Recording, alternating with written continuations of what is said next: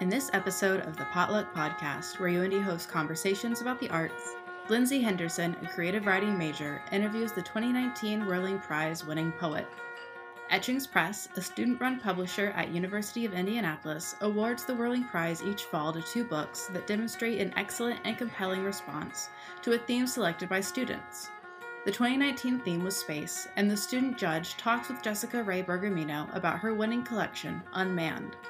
Jessica Rae Bergamino is the author of Unmanned, winner of the Noemi Press Poetry Prize, as well as the chapbooks The Desiring Object or Voyager 2 explains to the gathering of the stars how she came to glow among them, The Mermaid, Singing, and Blue in All Things, a ghost story.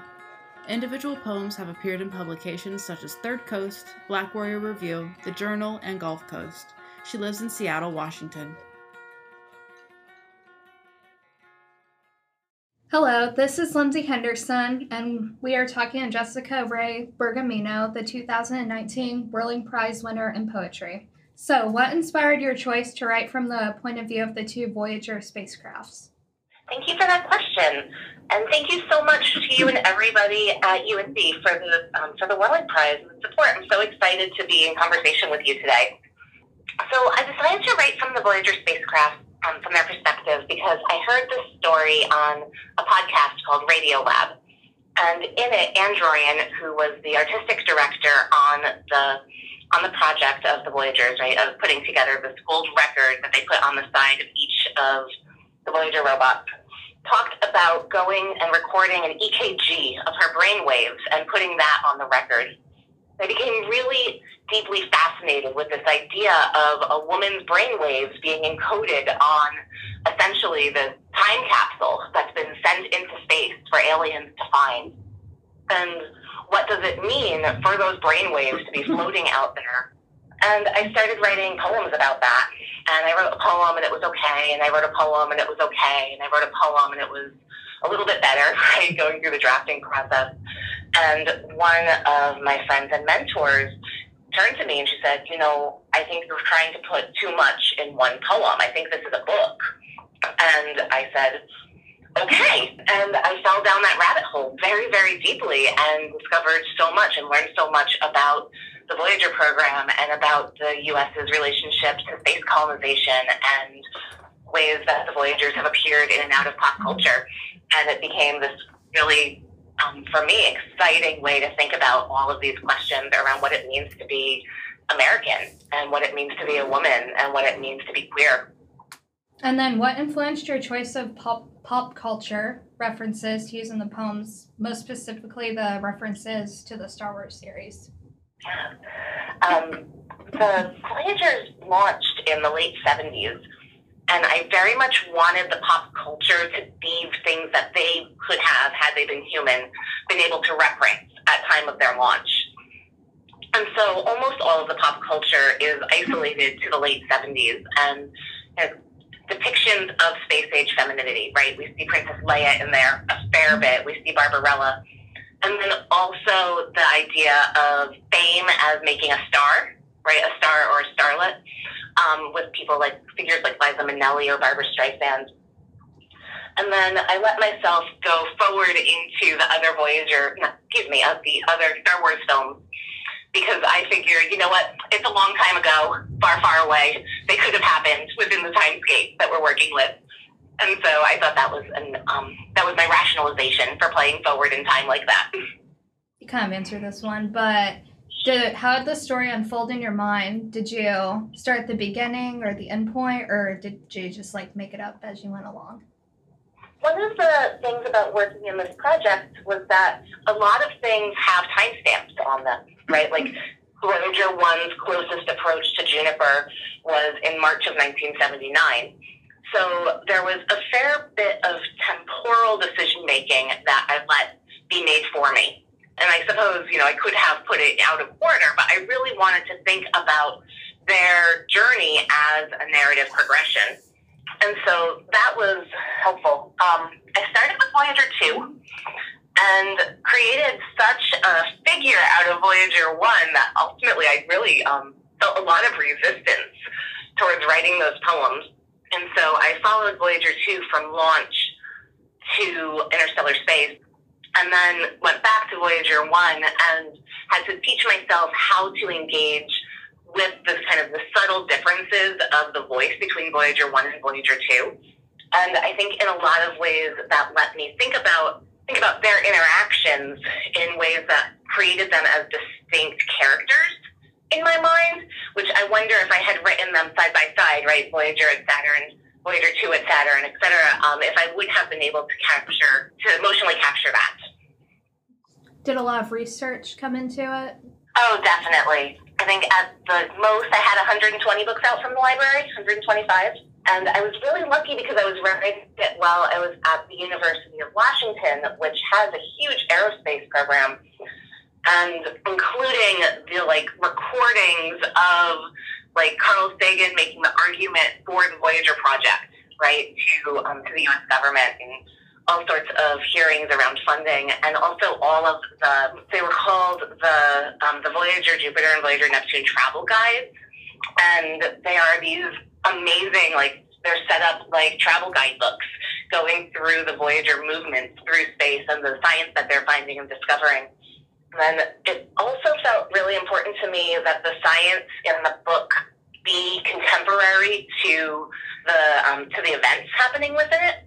And so one thing I ended up having to do was reading contemporary books and then going and fact checking to see whether or not, okay, was that was that consented upon as true in 1982? And if it was, then that was great. And if it wasn't, then doing that back research and understanding how, like, okay, how our understanding of the um, the volcanoes um, in the um, Jupiter's moons, how that has changed over the course of the Voyager explorations. I read your book, and then at the very end, I noticed you had like a little poem or a summary for each astrological sign, like Cancer and Leo. I thought that was really cool, and I was just wondering what gave you the idea for that. Those poems came out of when I was first trying to understand Voyager 1. I, I said a little bit earlier that I wrote most of the Voyager 2 poems and then most of the Voyager 1 poem. And I was really, um, I had created with Voyager 2, I felt like I understood myself in Voyager 2, and I had set up Voyager 1 in my mind as kind of the straw man for all of these things about um, about American imperialism, about um, white cis heteropatriarchy, about the complexes and systems that hold us in the systems that try to put us in poor relationship with ourselves and with others. And I had turned Voyager 1 into that picture, right? And I didn't want to try to embody that voice. I absolutely was like it made me feel really cringy.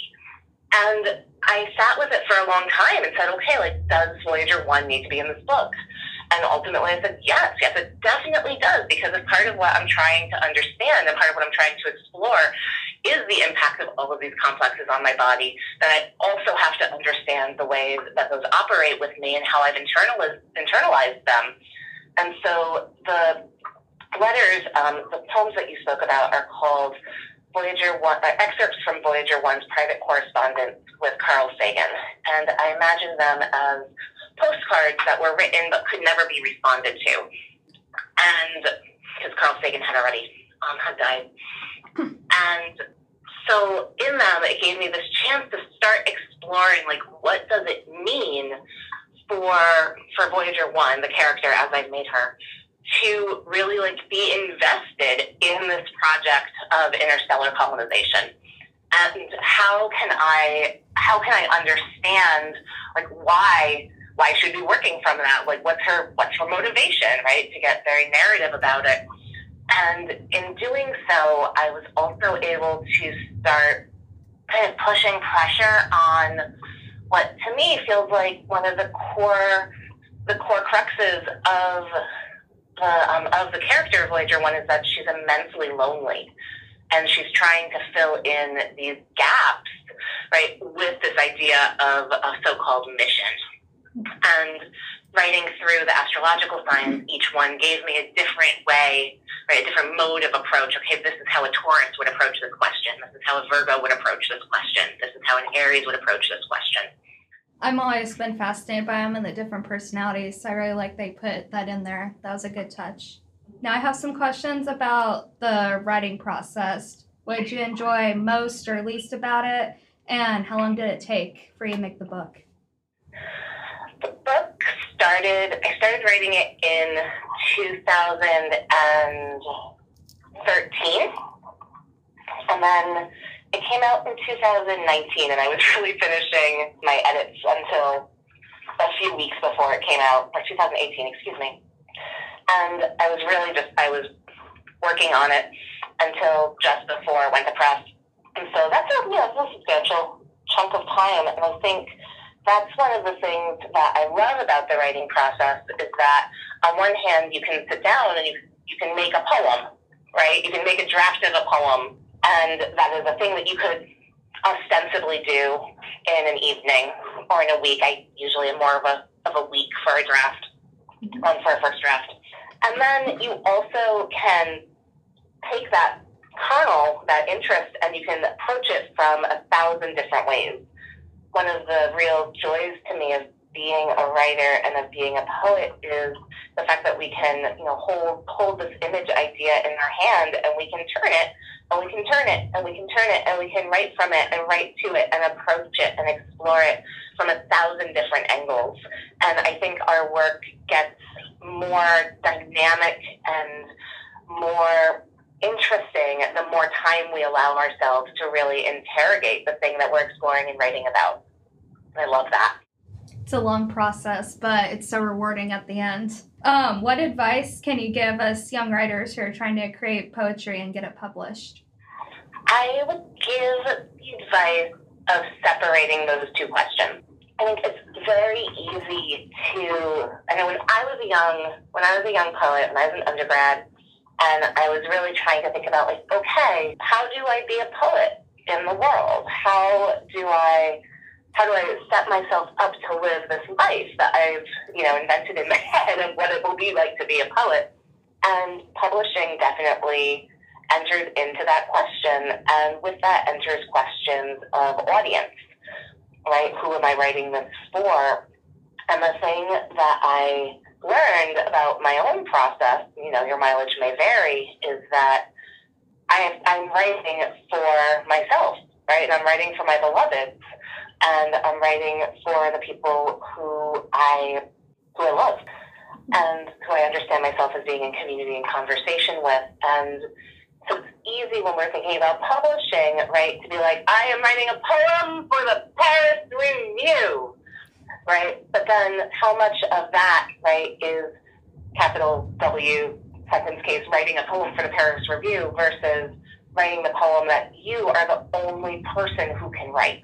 And when I read poems, when I read poetry, like that's the work that I'm excited about, right? The work that I see a distinct and dynamic human being behind, right? I think why we why we come to poetry, everybody's going to have a different answer. But that's why I come to poetry, because of the promise of and possibilities of connection.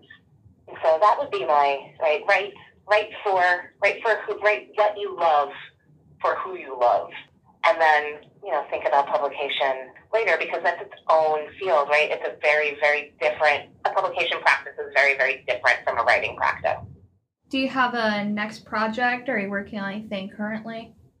Yeah, I'm working on a lyric exploration of a Nancy Drew novel and using that as a way to think about kind of the about girlhood and surveillance and ways that um, ways that girlhood is such a highly contested territory and highly contested space.